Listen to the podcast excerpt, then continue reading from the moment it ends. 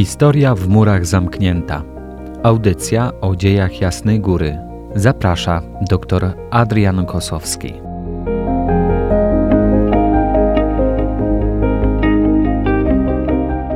Szczęść Boże.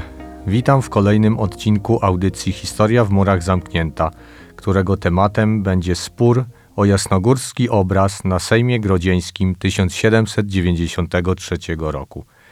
Przegrana wojna z Rosją w 1792 roku spowodowała upadek reform Sejmu Wielkiego, w tym Konstytucji 3 maja, które zmierzały do naprawy ustroju Rzeczypospolitej. W rezultacie klęski nastąpił drugi rozbiór Polski. W styczniu 1793 roku doszło do zawarcia w Petersburgu konwencji podziałowej rosyjsko-pruskiej, w której zaborcy podzielili się ziemiami państwa polskiego. Zgodnie z konwencją rozbiorową, granica zaboru pruskiego miała przebiegać w okolicach Radomska, pozostawiając Częstochowę przy Polsce. Na skutek opinii pruskiego komisarza okupacyjnego, wojska pruskie przekroczyły granicę i włączyły do Prus także Częstochowę. Działanie to motywowano względami strategicznymi. Zdaniem pruskich wojskowych, leżąca blisko projektowanej granicy forteca jasnogórska stanowiła potencjalne zagrożenie. 7 marca 1793 roku Komisja Pruska objęła oficjalnie twierdzę jasnogórską. W takich okolicznościach sanktuarium jasnogórskie z cudownym obrazem Matki Bożej znalazło się poza granicami okrojonej Rzeczypospolitej.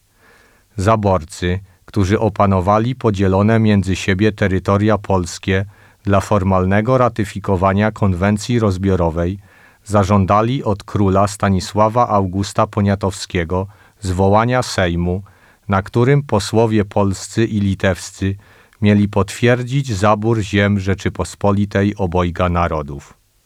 Został on zwołany do Grodna, a obrady rozpoczęły się 17 czerwca 1793 roku przy obecności wojsk rosyjskich. Stosunkowo szybko, bo już 22 lipca podpisany został traktat rozbiorowy z Rosją. Rozpoczęły się próby wymuszenia na posłach rokowań z Prusami w celu zawarcia drugiego traktatu rozbiorowego. Tutaj opór Polaków był dużo silniejszy – Dopiero 31 lipca Sejm przyjął uchwałę o przystąpieniu do rozmów z posłem pruskim. Posłowie polscy w trakcie obrad protestowali przeciwko zajęciu przez Prusaków Częstochowy i zgłaszali konieczność przeniesienia cudownego obrazu, jeżeli miasto pozostanie w rękach pruskich.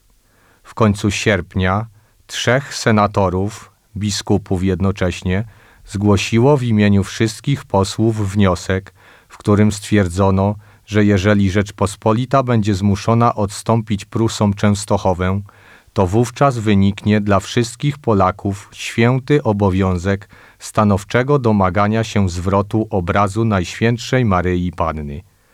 Żądanie swe argumentowali faktem, że Najświętsza Maryja Panna wolą całego narodu została uznana za królową i patronkę Polski. Jako starodawny zabytek i pomnik pobożności przodków stanowi własność całego narodu. Wobec powyższego obrazu jasnogórskiego nie można pozostawić w kraju, w którym religia katolicka nie jest religią panującą.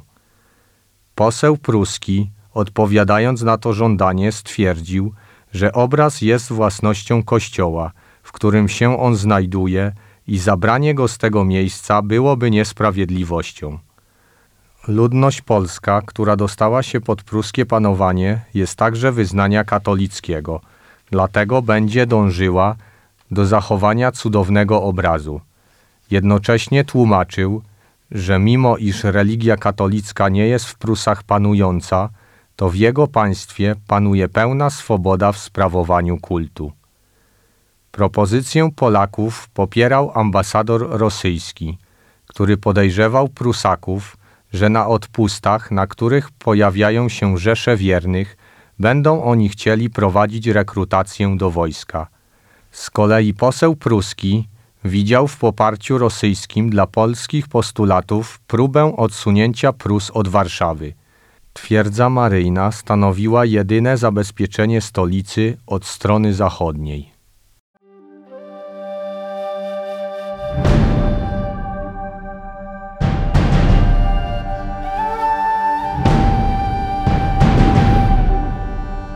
Wkrótce, rozwijając swoje dotychczasowe żądanie, posłowie sformułowali postulat wydania obrazu z Częstochowy i przeniesienia go do Krakowa.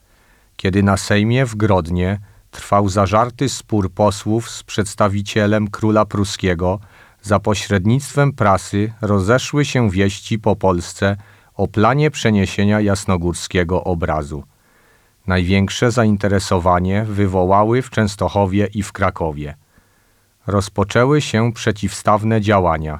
Z jednej strony Paulinów, by wizerunek Najświętszej Maryi Panny pozostał w sanktuarium, z drugiej Rady Miasta Krakowa, by przeniesiony został do ich miasta. Zakonnicy natychmiast po otrzymaniu niepokojącej informacji podjęli energiczną kontrakcję. Starania Paulinów u władz pruskich poparł naczelny dowódca wojsk pruskich i komisarz okupacyjny, ten sam, który przekonał króla pruskiego do zajęcia Częstochowy właśnie ze względu na fortecę jasnogórską. Za jego pośrednictwem bracia zakonni zwrócili się listownie do króla pruskiego Fryderyka Wilhelma II, powołując się na podpisany w marcu akt kapitulacji gwarantujący nienaruszalność cudownego obrazu i sanktuarium. W swoich działaniach zakonnicy kierowali się troską o bezpieczeństwo cudownego obrazu, sanktuarium i skarbca. Późniejsze lata pokazały, że było to słuszne stanowisko, gdyż na Jasnej Górze wizerunek Najświętszej Maryi Panny przetrwał wszelkie burze dziejowe. Ocalał także, co było wyjątkiem, skarbiec sanktuarium. Król pruski wykorzystał sytuację i przychylił się do prośby Paulinów, gdyż w ten sposób chciał uzyskać przychylność swoich nowych poddanych względem własnej władzy. W swojej odpowiedzi nadmienił, że oczekuje, iż Paulini dawać będą współobywatelom przykład lojalnej postawy wobec monarchy. Z drugiej strony Rada Miejska na czele z prezydentem Krakowa skierowała pisemne prośby o poparcie przeniesienia obrazu do króla Stanisława Augusta, do prymasa, do biskupa inflanckiego oraz marszałka Sejmu i posłów ziemi krakowskiej. Przekonywano, że skoro wizerunek Matki Bożej znajduje się w województwie krakowskim, to powinien być umieszczony w Krakowie. Jednocześnie proszono, aby przez litość do tego miasta obraz częstochowski nie został wydany do innego województwa. Dzięki przybywającym z zagranicy pielgrzymom zakładano wzrost dochodów, co miało poprawić krytyczną sytuację ekonomiczną miasta. Listy z magistratu krakowskiego dotarły do adresatów w Grodnie 14 września i jeszcze bardziej wzmocniły żądania strony polskiej. Król stwierdził, że na Sejmie Grodzieńskim nie ma żadnych innych planów, jak tylko przenieść obraz do Krakowa i umieścić go w kościele Paulinów na skałce. Po przychylnych odpowiedziach króla Stanisława Augusta i posłów obradujących w Grodnie, włodarze Krakowa byli już prawie pewni, że obraz znajdzie się w ich mieście. W sytuacji, kiedy zrozpaczony klasztor jasnogórski i mający nadzieję magistrat krakowski wykorzystywali wszelkie możliwe narzędzia, by zrealizować swoje sprzeczne cele, pierwsi, aby zatrzymać wizerunek w Częstochowie, drudzy, aby go sprowadzić do Krakowa, najważniejsze spory uwarunkowane prośbami obydwu ośrodków rozgrywały się na Sejmie obradującym w Grodnie i na dworze króla pruskiego w Berlinie. W rezultacie tych nacisków z obydwu stron okazało się, że silniejszą pozycję posiada strona pruska. u której interweniowali Paulini. Pod wpływem wspomnianych działań braci zakonnych, w tym na skutek ostrych listów naczelnego dowódcy wojsk pruskich, który od samego początku popierał Paulinów, poseł pruski, pertraktujący w Grodnie, musiał wycofać się ze swojego stanowiska, które w pewnym momencie obrad aprobowało wydanie cudownego obrazu. Króla pruskiego ostatecznie przekonały raporty naczelnego dowódcy sił wojskowych i komisarza okupacyjnego, który donosił, że przeniesienie obrazu Matki Boskiej spowoduje bunt wśród ludności polskiej, zwłaszcza w zajętej Częstochowie. Dodatkowym argumentem były warunki kapitulacji, w których dano formalną i uroczystą obietnicę, że obraz pozostanie na miejscu. Wobec tego należało przełamać opór posłów za pomocą siły. Król pruski zagroził niespodziewanie, że odstąpi od wsparcia Rosji w wojnie z Francją, jeżeli sprawy w Grodnie nie zostaną przeprowadzone do końca tak, jakby on sobie tego życzył. W takiej sytuacji ambasador rosyjski rozpoczął starania o jak najszybsze podpisanie traktatu rozbiorowego potwierdzającego przyłączenie ziem polskich do Prus.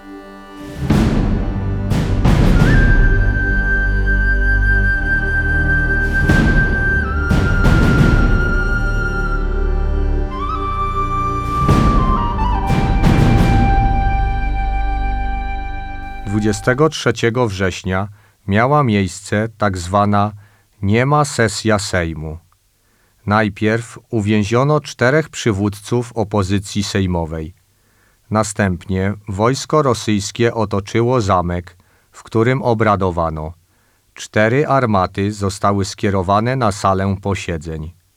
Przy nich stali żołnierze z zapalonymi lątami. Po trzykrotnym odczytaniu tekstu projektu traktatu, marszałek, pytając o zgodę, słyszał tylko milczenie.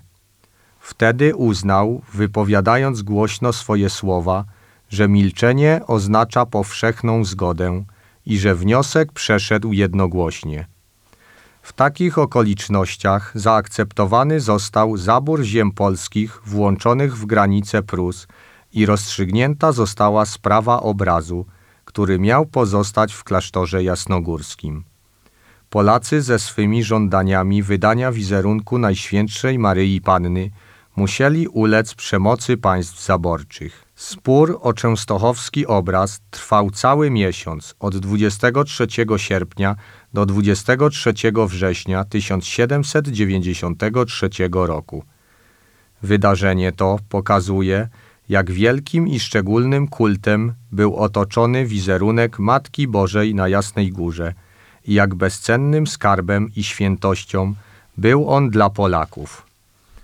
Fakt ten budził zdziwienie u obcych.